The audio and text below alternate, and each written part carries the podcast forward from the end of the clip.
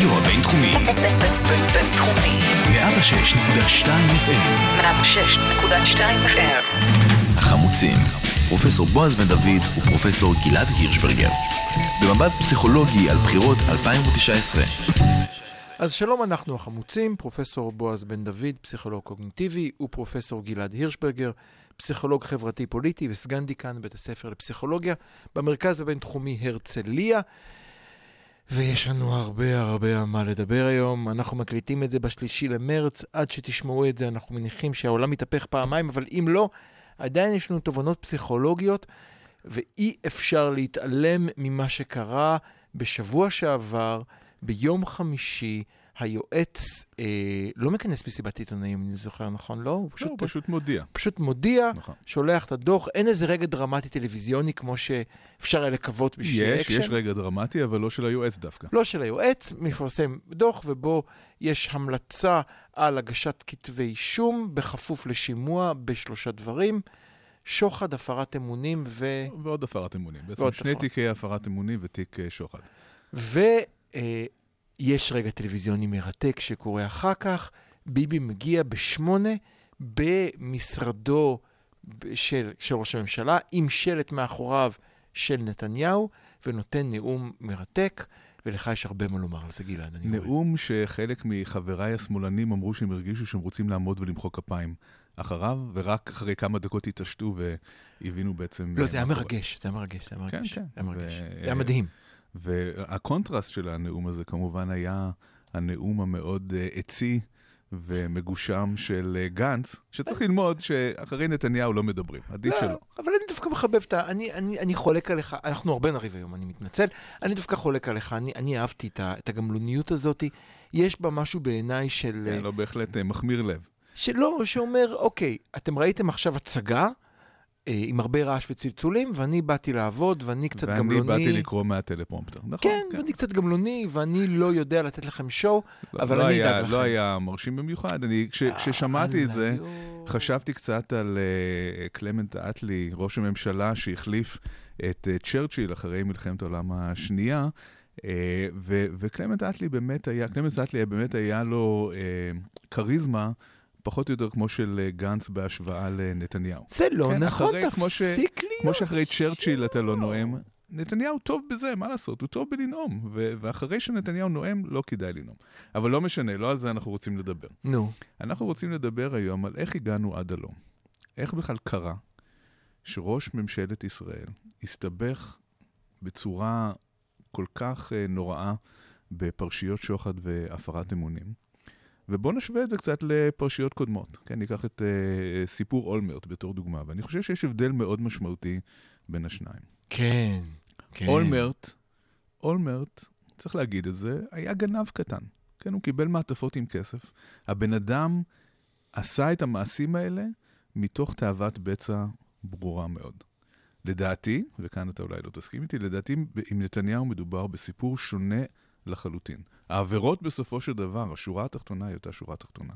אבל המוטיבציה, בעצם הסיפור הנפשי, הפסיכולוגי כאן, הוא מאוד מאוד אה, שונה. מה טוב, שקורה, אנחנו- מה שקורה עם נתניהו, אנחנו רק נגיד מראש איזושהי אזהרה, אנחנו כמובן לא מתיימרים לעשות ניתוח פסיכולוגי נפשי של אנשים שלא נפגשנו איתם, אנחנו רק נותנים את השקפת דעתנו מן הצד, כן? סליחה. סיימת להתנצל, כן. אפשר לדבר, תודה רבה. כשמדובר בנתניהו, מה שאנחנו בעצם אה, רואים זה שילוב של שני דברים בעיניי שהם מאוד מאוד בולטים. אחד זה פרנויה והשני זה מגלומניה. למה פרנויה? אוקיי. נתניהו לכל אורך הדרך מפחד מכל מי שמסביבו, כל מי שמסוגל לאיים עליו, מוסט הצידה. הוא מקיף את עצמו אך ורק במלחכי פנחה ובכל מיני אנשים שהם, אה, איך נאמר, לא מאוד ראויים להיות במקום שהם אה, נמצאים בהם. והסיבה שהוא מקיף את עצמו באנשים האלה ומסלק מעליו כל מיני גדעון סערים וכל מיני אנשים שיכולים להוות אה, איום עליו, זה בגלל שהוא מפחד, והוא רוצה לדאוג לכך שאף אחד לא מאיים על השלטון שלו. אבל למה? זה צד אחד של העניין. אבל למה? רגע. לא, לא, אתה לא יכול להגיד שהוא מפחד. רגע, רגע, רגע, רגע, טוב. סבלנות, שנייה. טוב, זה צד אחד של המטבע. בסדר. הצד השני של המטבע זה שנתניהו באמת, באמת מאמין שהוא סוג של שליח אל. לא רק הוא מאמין בזה, גם התומכים שלו, כולל אה, עיתונאים מסוימים, כמו אה, שמעון אה, ריקלין. המילה עיתונאים, אני מבקש, לא מתאימה במקרה הזה, אבל בסדר. אוקיי. קוראים, קוראים לו לשון עמוק הרבה פעמים לעיתונאי הספציפי הזה, אבל, אה, אוקיי. אבל מציג כן. את עצמו כעיתונאי. בהחלט. אנשים שמסביבו רואים את עצמו פחות או יותר כשליח האלוהים בכבודו ובעצמו, שהגיע לכאן בשביל להציל את עם ישראל. ושני הדברים האלה הולכים יחד, בגלל שנתניהו לא פועל למען טובתו האישית באופן ישיר. נתניהו תופס את עצמו כמי שבא להציל את עם ישראל. אני מאמין ב... ב אמונה מלאה שככה הוא תופס את הדברים, ולכן הוא גם כל כך uh, מגן על עצמו. זה שלמען המטרה הזאת הוא מוכן להרוס את כל מוסדות השלטון שבדרך. הוא מוכן בעצם להשתלט על העיתונות ולהפוך להיות העורש, העורך הראשי של uh, אתר וואלה. uh, מתוך uh, כתב האישום. Uh, זה סיפור אחר, כן? זה ברור שמדובר כאן בדברים שהם פליליים וחמורים מאוד. אבל מבחינת התפיסה שלו של למה הוא עושה את זה, הוא לא עושה את זה בשביל לקבל כסף. הוא לא עושה את זה בגלל שהוא רוצה להטיב עם עצמו, אלא הוא עושה את זה בגלל שהוא באמת באמת משוכנע שהוא כאן בשביל להציל את עם ישראל, ו- והמשפחה שלו אפילו אומרת. הם אומרים, אם הוא לא היה ראש ממשלה, הוא היה מיליארדר היום, כן? הוא היה איש עסקים חובק עולם, ומגיע לו כמה סיגרים ושמפניה בשביל אה, הקורבן הגדול שהוא עושה עבורנו. אז אני רוצה רגע לסכם את מה שאמרת ולשאול אותך שאלה. אז אתה בעצם אומר את הדבר הבא. כשביבי מתראיין באותו ראיון מפורסם לטלוויזיה אמריקאית, ואומר שהוא רוצה להיזכר כפרוטקטור בישראל, כן. ורואים את שפת הגוף שלו כשהוא אומר את זה, הוא מלא בעצמו, זה, זה, זה קטע מרתק שראיתי איזה עשר פעמים, שפת הגוף שלו שם לראשונה לא נדמת לי כמו אה, מוגנת כמו תמיד אצלו. אתה אומר, זה היה כי הוא אמיתי, הוא באמת רואה את עצמו. הוא באמת מאמין כ- בזה. כמגן אה, ישראל? אני ממליץ מאוד על קריאת אה, ספרו של בן כספית על נתניהו, שבאמת מתאר אה, איך נתניהו צומח בביתו של אה, בן ציון נתניהו, של היסטוריון שחוקר את האינקוויזיציה, וכל המהות של בן ציון נתניהו זה בעצם להבין איך עם ישראל נמצא בסכנה, ואיך יש בודדים שרואים את הסכנה ויכולים להציל את העם מהסכנה שמתרחשת. ו- ונתניהו, גם אחרי כמובן מותו של אה, אחיו אה, יוני, רואה את עצמו כמי שזאת שליחותו. ואני אני באמת חושב שככה הוא תופס את הדברים. אז בוא רגע, אני, אני רוצה להמשיך. ואם כאן, אם, אם נמשיך על עוד משפט מפורסם של נתניהו, כשהוא מדבר על החיים עצמם, הוא אומר בדיוק את זה, הוא באמת מתכוון את זה. אתה אומר, זה לא ספין, הוא באמת חושב שאם צריך לחשוב על המשך קיומו של העם היהודי במדינת ישראל, ואלה החיים עצמם, כל היתר לא חשוב, כי במלחמה, יותר מזה, אוקיי, אם הוא תופס את עצמו בתור סוג של משיח כמעט, כן, הוא נותן לעצמו הצדקה מוסרית, כן? או, זה, וכאן כאן בעצם הגענו. הנקודה החשובה. הוא נותן הגענו, לעצמו תודה. הצדקה מוסרית לעשות כל מיני דברים שהם בצורה ברורה לא חוקיים, אבל הוא מעל זה, כן? זאת אומרת שאם לראש ממשלה רגיל אסור לקבל מתנות, נתניהו נמצא מעל זה, הוא סוג אחר של אה, מנהיג שמבחינתו, לתפיסתו, מותר לו לעבור על הכללים. אז אם... אם אז, ראש ממשלה רגיל צריך להיות נתון לביקורת של העיתונות ושל התקשורת, נתניהו נמצא מעל המקום הזה. נתניהו נמצא במקום שבו לגיטימי לשלוט בתקשורת ולעוות אפילו את המציאות, כדי לשלוט בדברים בצורה טובה יותר, שלתפיסתו תורמת למדינת ישראל ולעם ישראל. אז אני רוצה לסכם אותך ולחלוק עליך קצת. אז קודם כל אתה אומר כאן, קורה כאן הדבר הבא, אה, נתניהו רואה את עצמו כ... כמו ניקח למשל במלחמה, כשיש מלחמה אז אפשר אה, להכריז על מצב חירום, ודמוקרטיה זה לא הכי חשוב, כי החיים עצמם יותר חשובים. והאמת, אה, אה, כולם, כל אחד, אפילו בישראל יש את הסיפור שהרכב שלך, ניתן להפוך אותו לרכב צבאי, זה קרה לי לאחרונה באיזה מכתב מילואים, כאילו כל שלך הופך למדינה, ובסדר, אפילו אתה את עצמך נותן לשלוש-ארבע שנים למדינה. טובת הכלל כן. קודמת לטובת הפרט. כי, כי זה חלק מהעניין, ואנחנו פה במלחמה. נכון, הכל ואת טוב. זה אפשר לקחת מאוד רחוק, את העניין הזה של טובת המדינה קודמת לזכות הציבור לדעת, ולכן לגיטימי לגמרי לשלוט בוואלה ולהכתיב להם את הידיעות ולהוריד, להסיר ידיעות שלא מתאימות, כדי לוודא שהציבור ישמע רק מה שהוא צריך לשמוע. זה, זה ישר מזכיר לי ספר ילדים נפלא, שהחלק המרכזי בו זה טובת המדינה. אומרים רק טובת המדינה וכבר מקבלים כל עניין. שתבין, זה ספר ילדים שהקריאו לי, תראה מה, מה נהיה וספר ממני. מבוגרים אה, נפלא, שנקרא 1984, נכון? כן. כן. לא, רק שתבין איך, איך התגלגלתי. אבל, רגע, עכשיו אני עוצר. ונגיד אני מסכים איתך עם הכל.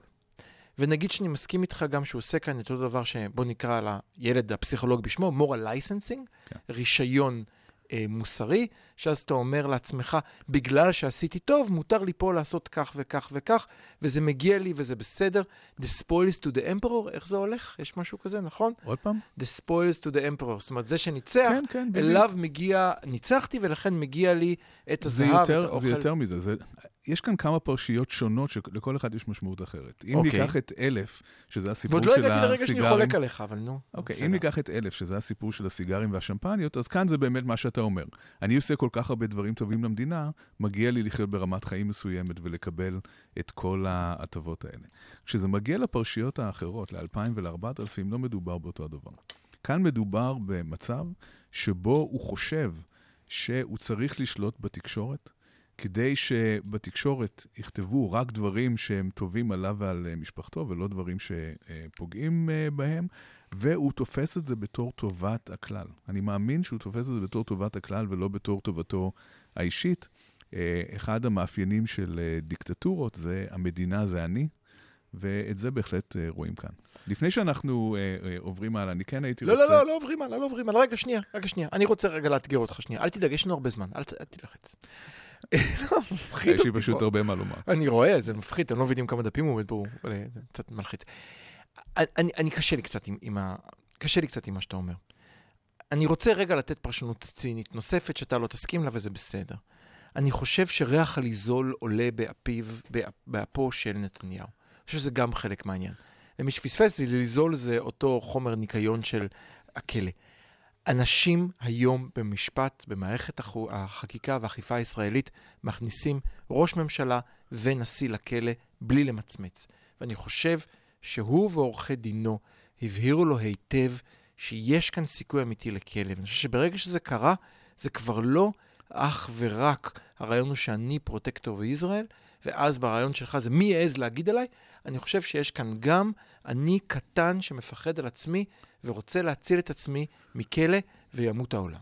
אני מאוד מצטער, אבל אני דווקא לא חולק עליך, כן? הייתי. רוצה לחלוק עליך, אבל אני לא חולק עליך. בהחלט יש גם את הצד הזה. מבאס. כן, ויש כאן גם צד של שחיתות אמיתית שקורית למנהיג שנמצא יותר מדי זמן בשלטון. אה, מרק טוויין אמר אה, משפט מאוד אה, ידוע, שפוליטיקאים וחיתולים יש להחליף לעיתים אה, תכופות ומאותן הסיבות. וכאן בהחלט אה, רואים את ההשלכות ארוכות הטווח של אה, פוליטיקאי שנמצא הרבה הרבה מאוד שנים במערכת, הרבה מאוד שנים כראש ממשלה. טוב, אתה רצית אבל להגיד עוד משהו כן, לסיום? רציתי לשאול, רציתי לשאול אותך שאלה. איזה לחץ. אבל, זה אבל, זה בלי, מלחיץ. אבל זה בלי מתמטיקה. למה, למה שחיתות זאת בעצם בעיה? זאת אומרת, אנחנו לוקחים מצב שבו מנהיג לוקח לעצמו כל מיני טובות הנאה, שזה מצב, שאם מסתכלים על ההיסטוריה האנושית, זה היה המצב השכיח יותר לאורך כל ההיסטוריה של העולם, כן? שבו מלכים לקחו לעצמם הטבות שונות, ומנהיגים שונים לקחו לעצמם הטבות שונות. ופתאום היום אנחנו נמצאים במין מערכת כזאת שאומרים למנהיג, סטופ, אתה לא יכול אה, לעשות את זה. כן, למה, למה בעצם זאת כזאת בעיה, ולמה אנחנו צריכים לעשות משהו שהוא כך שונה ממה שעבד לאורך כל ההיסטוריה האנושית? כן, אני מכיר את הטענה הזאת שלך. אתה אומר שבעצם מה שקורה היום הוא נגד האנושות. כל הרעיון שאתה לא יכול לקבל מתנות, שאתה לא יכול לקבל צ'ופרים על תפקיד עם הרבה מאוד כוח, שאתה לא מקבל את בתולות הכפר וכאלה, אתה אומר זה נגד הדבר שעבד הרבה מאוד שנים, והמערכת הזאת היא באה ו- וכופה עלינו משהו שקשה מאוד להתמודד איתו כשאתה בשיכור כוח. אני מבקש לחדד. מה שאני בעצם אומר, זה שכל התרבות המערבית שאנחנו חלק ממנה, היא מעשה שהוא נגד הטבע האנושי. הטבע האנושי זה שהמנהיג ירצה לשלוט. הטבע האנושי זה שהמנהיג ירצה לקחת לעצמו טובות הנאה. הטבע האנושי זה נפוטיזם, שהמנהיג ירצה למנות אנשים שמקורבים לו, ולא אנשים שהם מתאימים ביותר לתפקיד. התרבות המערבית באה ועושה מעשה שהוא מנוגד לטבע שלנו. היא אומרת לנו, לא. אל תיקח את קרובי המשפחה שלך לתפקידים החשובים, קח את האנשים המתאימים ביותר. אל תיקח לך כוח בלתי נשלט, אלא בוא נמנה פרלמנט שהוא יבקר את ההתנהגות שלך. בוא נמנה בית משפט שהוא יוכל לשנות את ההחלטות שלך. בוא ניתן לעיתונות חופש מוחלט שיוכלו לבקר את המעשים שלך, וגם הציבור יהיה לו חופש ביטוי וחופש הצבעה, כדי שיוכלו להחליף אותך במידה ולא תמצא חן ביניהם. אלה רעיונות מהפכניים שקיימים רק במשך כמה עשרות שנים. זה לא משהו שהיה קיים אה, לאורך ההיסטוריה האנושית, והסיבה שאני מדגיש את זה, היא שהרעיונות האלה הם רעיונות מאוד מאוד שבריריים. הטבע, יש לו נטייה לנצח.